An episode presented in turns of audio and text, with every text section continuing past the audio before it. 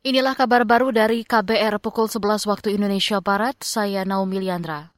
Ex-Panglima TNI Andika Perkasa menyebut masih banyak hal yang belum diperbaiki di tubuh TNI.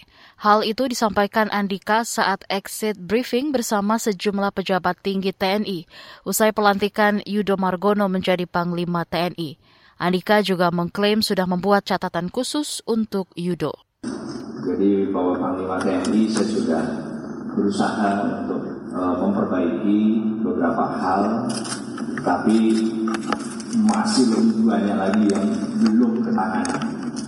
Jadi itu tugasnya Bapak Panglima TNI untuk terus memperbaiki karena itu adalah teori organisasi. Organisasi itu ya pasti harus selalu ada perbaikan. Nggak pernah ada organisasi yang sudah sempurna itu nggak.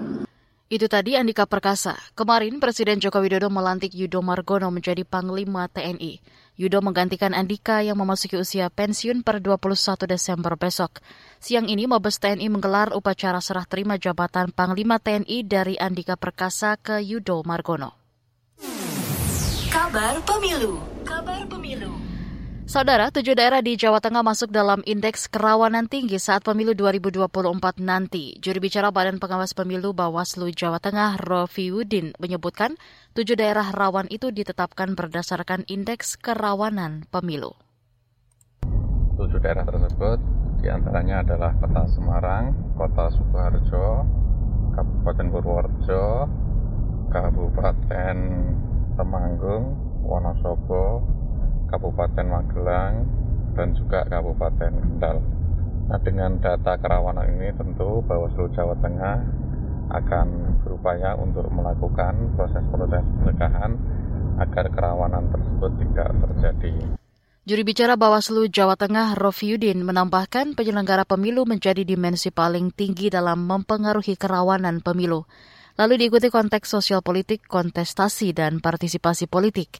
Indeks kerawanan pemilu merupakan salah satu cara untuk mendeteksi kerawanan di sebuah daerah selama pemilu berlangsung. Indeks itu merujuk pada sejumlah hal yang berpotensi menghambat dan mengganggu pelaksanaan pemilu 2024. Beralih ke informasi olahraga, Karim Benzema memutuskan pensiun dari timnas Perancis usai Piala Dunia 2022. Melalui unggahan akun Instagramnya, pemain 35 tahun itu mengumumkan tak akan lagi membela Prancis. Karim mengaku telah berupaya untuk membela Le Blues, namun dia gagal tampil di Piala Dunia akibat cedera paha. Meski begitu, pemain Real Madrid tersebut mengaku bangga atas apa yang diraihnya selama bersama di Prancis. Kabar pensiunnya Benzema dikaitkan dengan rumor pertikaiannya dengan pelatih Prancis Didier Deschamps. Benzema sebelumnya diklaim telah pulih dari cedera, namun Dasham dilaporkan menolak memanggil sang striker. Di Piala Dunia 2022, Prancis gagal menjadi juara usai takluk adu penalti dari Argentina di laga final.